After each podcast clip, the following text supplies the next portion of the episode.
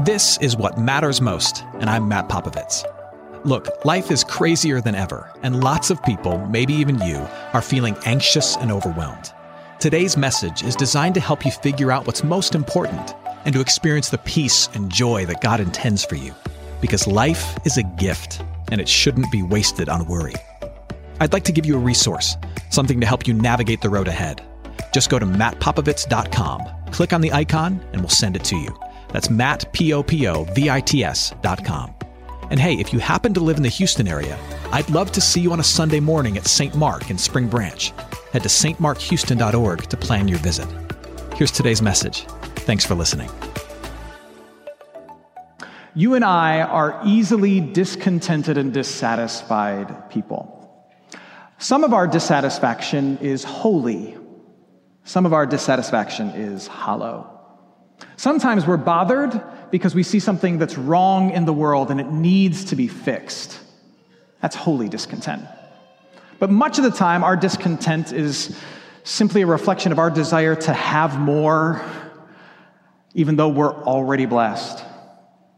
It's a desire to accomplish more, possess more, to be known for more than what we already have. That's the hollow or unhelpful dissatisfaction. That's what we've been talking about in this series. That dissatisfaction, that if we allow for it, if we indulge it, can do a number on our life, and not a good number. Throughout this conversation, we've had a, working definition of this kind of hollow and unhelpful discontent. The definition goes like this It's a sense of dissatisfaction that is divorced from a higher good and grounded in greed. It's not driven by anything divine or noble. It's really driven by that hunger that we have for more. A hunger that we said in week one was planted in the human race in that very first deception, that interaction between Satan and our spiritual ancestors, Adam and Eve, where he got them to do two things to doubt God's goodness and to desire more for their life. Is God really on your side? Can you really trust Him to provide for you? Maybe it's up to you to become and to achieve and to receive all that you really need. Can you trust Him? And whatever you have, it's not enough. And we've been battling those urges and impulses ever since. So today, we're going to talk finally about how it is that we, if you're here as a follower of Jesus, how it is we deal with our discontent. We've spent time talking about the root of it, talking about some of the ways in which it manifests itself in our life, some of the destruction that if it's indulged, it, it rains down upon our relationships and the things that we enjoy. But today we're going to talk just squarely and clearly how do people of faith deal with the unholy and unhelpful dissatisfaction and discontent that rears its ugly head in our lives. And I'm going to give you the answer right out of the gate. The answer is, no surprise, Jesus. The answer is Jesus. What, what Christians believe is that when it comes to discontent, this hunger for more that's, that's grounded in nothing good, that tends to wreak havoc on our lives, that Jesus is the one who, who defeats our discontent, and he is the means through which we manage our discontent. By defeated, what I mean is this that there will come a day where, where Jesus establishes what the Bible calls the new kingdom. And everything that stirs up discontent in this world and in us in unhelpful ways will be defeated, and that defeat is guaranteed. But until that moment, the way in which we manage the discontent that manifests itself in our lives is by relentlessly pointing to and returning to the promises of Jesus. That's what I want to talk about and I want to focus on two sections of Scripture. We, we just heard them read Galatians chapter 5 and John chapter 14. In Galatians chapter 5, Paul, the pastor and the church planter, is talking to a, a, young and easily discontented church about how to deal with what he calls the desires of their flesh. All this discontent that is stirring up in their heart and in their mind and in their gut and causing them to make all kinds of stupid decisions. And here's how he talks about how to deal with it. Starting at verse 16, he says, But I say, walk by the Spirit, and you will not gratify the desires of the flesh. For the desires of the flesh are against the Spirit, and the desires of the Spirit are against the flesh. For these are opposed to each other, to keep you from doing the things you want to do. But if you are led by the Spirit, you are not under the law. So Paul's answer is this You are to walk according to the Spirit. He uses a very particular Greek word. This was originally written in Greek. The word for walk is peripateo. And it means more than simply walk as you'd walk down a street. What it means is to closely follow after somebody, like you're standing in their shadow. You're that close. And you're, you're so close that in the ancient world, you're walking on a dusty road and you'd be covered in the dust of the person walking in front of you. You're that close. You're walking closely behind them and you're mimicking all of their movements. The Greek philosopher Aristotle, he had disciples who followed his every move, who jotted down his every word. They were called peripatetics, the ones who walked closely behind him, mimicking everything, soaking up everything. That's the word that Paul uses. And so he says, in order to hold back gratifying the desires of the flesh, in our case, this discontent that rears its ugly head, to quell that, to calm that, to manage that, you are to peripateo the Spirit. Walk closely with the Spirit. Now, the question is what in the world does that mean? To walk closely with the Spirit. Now, I know that there are, there are some with us today, and I'm so glad you're here, who are skeptical of Christianity. You don't come to church much, you know, you're, you're just kind of, kind, of, kind of peering over the fence today, kind of wondering what this is all about. Somebody drug you here, or you come here all the time, but you never really bought into it. I get that. I'm glad you're here. It's a safe space for you. And I know that when I say things like we are to walk according to the Spirit so that we don't gratify the desires of our discontent heart, that, that there is a concern that wells up in many of you that says, what you're asking me to do is just kind of be this unthinking, brainless zombie that wanders around doing whatever some pastor tells me to do or whatever some dusty old book commands of me. I cease thinking for myself and I just do whatever somebody else says, and you want nothing to do with that. And I don't blame you, neither would I. That's not what this is talking about. When we say walk according to the Spirit, we're not talking about mindless obedience. So, what do we mean? Well, let's go to Jesus, who gives us a definition of the Spirit's work. This is where John chapter 14 comes into play. We are going to interpret Galatians 5 in light of John chapter 14. Jesus says this He says, The Helper, the Spirit, the Holy Spirit, whom the Father will send in my name, he will teach you all things, and here's the key part, and bring to your remembrance all that I have said to you. So, according to Jesus, what is the primary role of the Holy Spirit? The primary role of the Holy Spirit is to bring to mind the person and the work of Jesus Christ in the life of those who are seeking to follow after him. That's the primary work of the Holy Spirit. So then to follow after, to peripateo, to closely walk after the Spirit, is to be closely attached to the Spirit's work. And the Spirit's work is this, to, to avert your eyes and to reorient your mind and to refocus focus your heart towards Jesus all along the path of life. To walk according to the Spirit is to have your heart and your mind and your eyes constantly redirected to the work of Jesus, the promises of Jesus, the teachings of Jesus, so that your life, as it's dealing with discontent or anything else it's dealing with, can have itself saturated in the truth of who Jesus is. It's not simply mindless obedience, but as you walk through life, you are redirected to the person and the work of Jesus. Now, now, now don't be fooled. It's not as though you, you, you, you can walk according to the Spirit or walk according to nothing. Everybody walks according to someone or something. Everybody peripateos walks closely to someone or something. The question is what?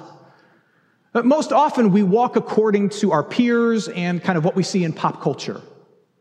Our default move is when we, when we experience difficulty in our life and we wonder, am, am I getting it right? Do I need more? Is life okay? We, we look to our peer group or we look to the Instagram feed or what's trending on Twitter to see what is, what is successful these days.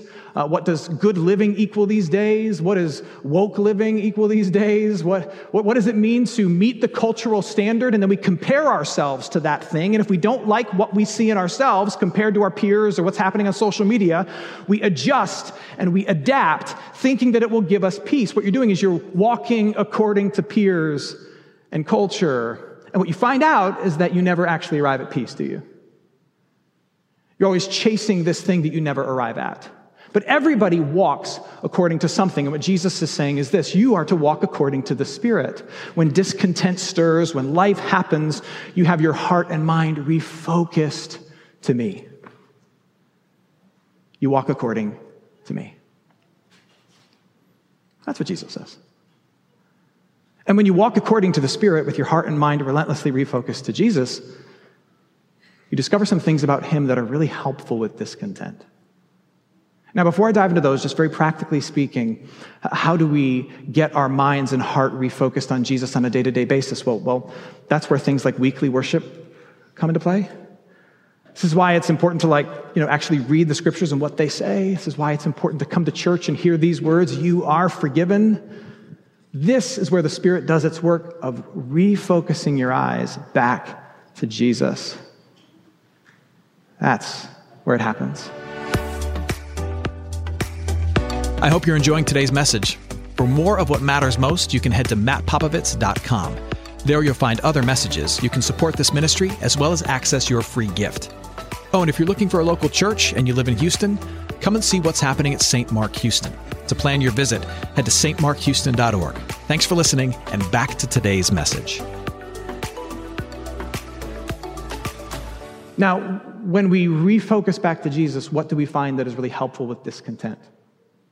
Well, we find four things. Uh, the first thing that we find is that we find permission to rest. In particular, and you may not even know that you're on this treadmill, but we're all on this treadmill to some degree. You have permission to rest from the work of trying to prove your worth. We are all in the game of trying to prove our own goodness. And we do it in different ways, in different forms. Some of us are really trying to prove our goodness on Instagram. Some of us are really trying to prove our goodness to our in laws. Some of us are really trying to prove our goodness to our spouse or just in the quiet of our own mind. We're really hard on ourselves. We're trying to prove that we're a good person. We're all trying to prove it in some form, in some fashion, in some way. And, and Jesus says, look, you don't have to do that. You don't have to prove your goodness and your worth. And he gives you permission to rest from that. Because your effort to prove your goodness feeds a ton of your discontent. And what Jesus says to you is look, if you're tired of this world that places all these expectations on you, where you have to prove that you're something other than what you actually are, if you're tired of that, if you're weary from that, come to me and I will give you what? I will give you rest. He doesn't say, Come to me, all who are weary, and I will give you steps.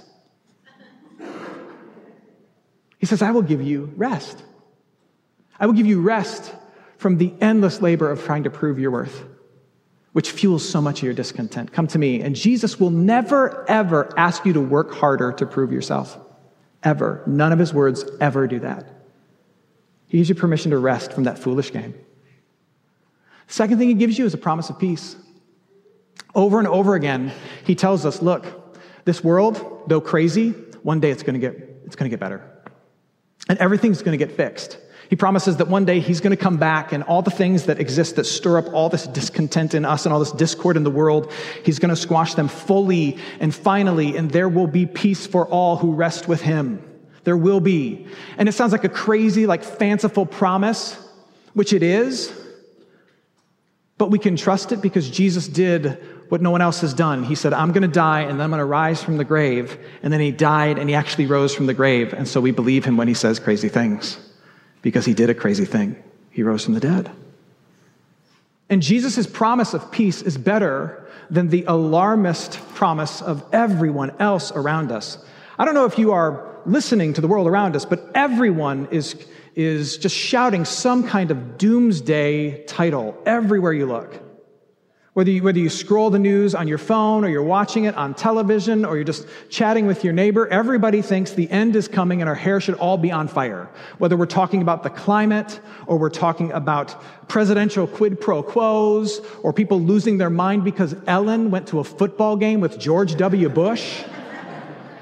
Everybody's thinking the world is on fire and the only solution is for all of us to light our hair on fire and get crazy about it and try to save it.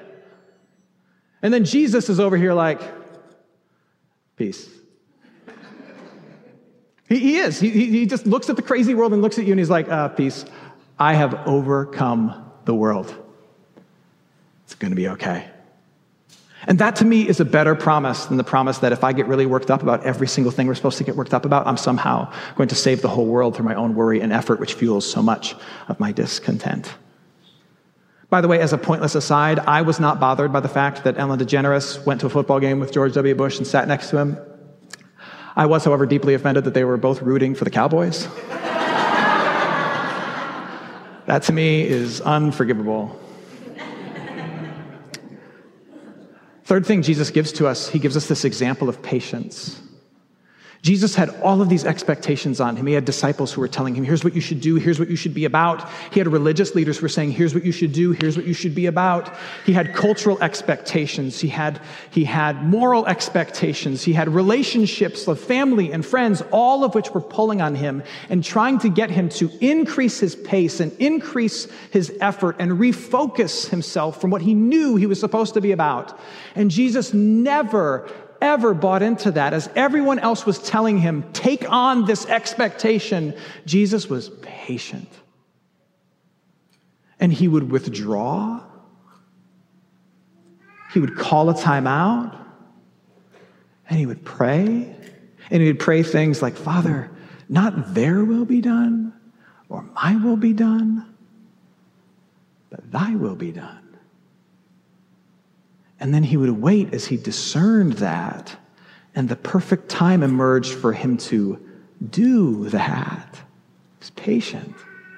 How transformative would it be for you if rather than simply bow to the pressure of everybody else's expectation or all the urges that bubble inside of you that say you have to be discontent and deal with it right now, what if rather than just have your pace increased by those things, you withdrew and you were patient and you prayed, Father, not their will be done or my will be done, but your will be done. And you waited and you discerned. And then you did what you knew to be the right thing at the right time.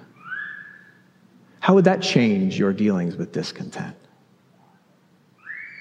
And then lastly, Jesus gives to the world a defeat of life's demands. Jesus willingly put, this is what his life and his death is all about. Jesus willingly put every expectation upon himself. He put every divine expectation upon himself. God's expectation for creation is that we would be perfect members of creation, living according to his plan, to his glory and the good of others. But we don't. But Jesus did. Jesus put onto himself the expectation of religious leaders, of culture, of the eyes of his friends and family. He put every expectation on himself and he allowed all the expectations of the world to crush him and to kill him. The expectations of the world destroyed, murdered the person of Jesus. And then he rose out of them. He came back to life and he proved his power over them. And so now he, he bursts forth from the grave and he says, Every expectation is met in me. I soaked it all up in my flesh and my blood and my body. I was killed for it. I rose out of it to show my power over it. And now every expectation of God and everybody else is met in me. And then in John chapter 19, verse 30, look it up. The three most important words ever uttered on this planet, Jesus said as he's dying on the cross, it is finished. Meaning, he met every expectation from every single corner of the world, not just for himself, but also for you. It's all finished. And now he promises that those who have faith in him, every expectation is met for you and for me as well. And we are now exempt from the stupid game of proving ourselves in the eyes of God or the eyes of others through our performance. That game no longer applies to you or to me because when the Father looks at you, he sees his Son who bore the weight of every expectation, met all of them, died at the hands of them, then rose out of them, and he says, It is finished. I see someone who meets every expectation. You're accepted, and you're accepted, and you're accepted, and you're accepted, and you're accepted, which means we don't have to play the dumb game of proving our performance, proving our worth by our performance. We don't have to play that game. And Jesus gives that gift to you. So then, what, what, walking by the Spirit means is that as your discontent rears its ugly head, you, you, you walk according to the Spirit and draw yourself to these promises of Jesus the permission to rest. Stop working so hard to prove yourself. The promise of peace, it's going to be okay. The example of patience, you don't have to increase your pace to meet the expectations of others. And the fact that you're free from the whole dumb game. It gives you all those things. And you have the choice to live in those. For, for me, the tension that Christians find themselves in when it comes to discontent is perfectly illustrated in two, two moments in the scriptures that, that are meant to, um, to kind of mirror each other. I don't know if you knew this, but, but, but they are. Uh, the, the moment is the tempting of Adam and Eve in the Garden of Eden and the institution of the Lord's Supper. right before Jesus died.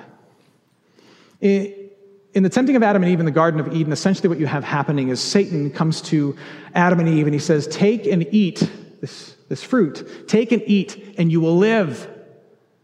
But it's a lie. And then Jesus, in the institution of the Lord's Supper, he gathers his disciples and he takes bread and wine, body and blood, and he says, Take, eat, and you will live. But it's the truth. And at the center of, of these two moments are, are two, two opposing ideas of what it means to live. To Satan, to live is to do apart from God, to labor and to work and to build up your own life apart from a relationship with God. And he says, Do that do on your own, according to your own standards, and you will live, and it leads to death. But for Jesus in the Lord's Supper, what he offers to his people is this belief that take, eat, and live, knowing that it's all done. I have done everything to make you a member of God's family. I have fought the battles that matter the most. I've won you the reward that you truly need, which is forgiveness and place in God's family. It's all done. Take, eat, and live because it's done. Satan says, take, eat, live, do, and you end up dying. And Jesus says, Take, eat, live. It's done. And you get to just live freely. And every single day, you have a choice as to who you're going to believe. Am I going to believe the lie that I have to do and it ends up killing me and I'm never happy and I never have enough? Or am I going to believe Jesus who says, Take and eat? It's all done. Have some peace and let that determine how I live my life. Which will it be? I'll close with this. There is a um, there's an apocryphal story of a uh, of a tombstone in Scotland. And for me, this tombstone, the words written on the tombstone are, are a picture of what discontent, if it's just indulged, does to our lives. It's the uh, tombstone of a man named Hamish McTavish. It says on the tombstone, Here lies Hamish McTavish, loved deeply by his sorrowing wife, which is beautiful. But then if you read further on the tombstone, it says this Loved deeply by his sorrowing wife, who is carrying on his flourishing grocery business, located at 11 High Street, open daily till 8 p.m. Here's why that for me relates to this. When you indulge your discontent and you believe that by doing you can live, you're never ever done. That by just getting more and having more, you, you never actually arrive. You will, you will do and worry and want until you die, and perhaps even after. There's no rest at all. Or you can believe the words of Jesus. You can walk according to the Spirit, and as you, as you feel discontent, as you struggle with all those urges, you can pivot and turn to the person of Jesus who says to you, There is rest, there will be peace, have some patience. The expectations have all been met. Breathe. Which will it be for you? When you choose to deal with your discontent in light of the person and promises of Jesus, that's when you finally actually arrive at the verses we quoted in week one of this conversation. Paul's words to Timothy, where he says, Godliness with contentment is great gain. You realize I am in God's grip and I have all of his grace. I have everything that I need. May you arrive at that place. Hey, it's Matt. I hope you enjoyed what matters most. Here's what I need you to know life is a gift, and it shouldn't be wasted on worry. I want to help you figure out what's most important and to experience the peace and joy that God intends for you. So, for more content, you can head to mattpopovits.com. That's Matt, P O P O V I T S.com. There, you can also support this ministry as well as access your free resource, a little something to help you navigate the road ahead. I'd also love to see you on a Sunday morning. If you're in the Houston area, head to stmarkhouston.org to plan your visit. In the meantime, hit me up on Instagram at mpopovits or at facebook.com slash mattpopovitsministries. Thanks for listening. Now go and hold tight to what matters most.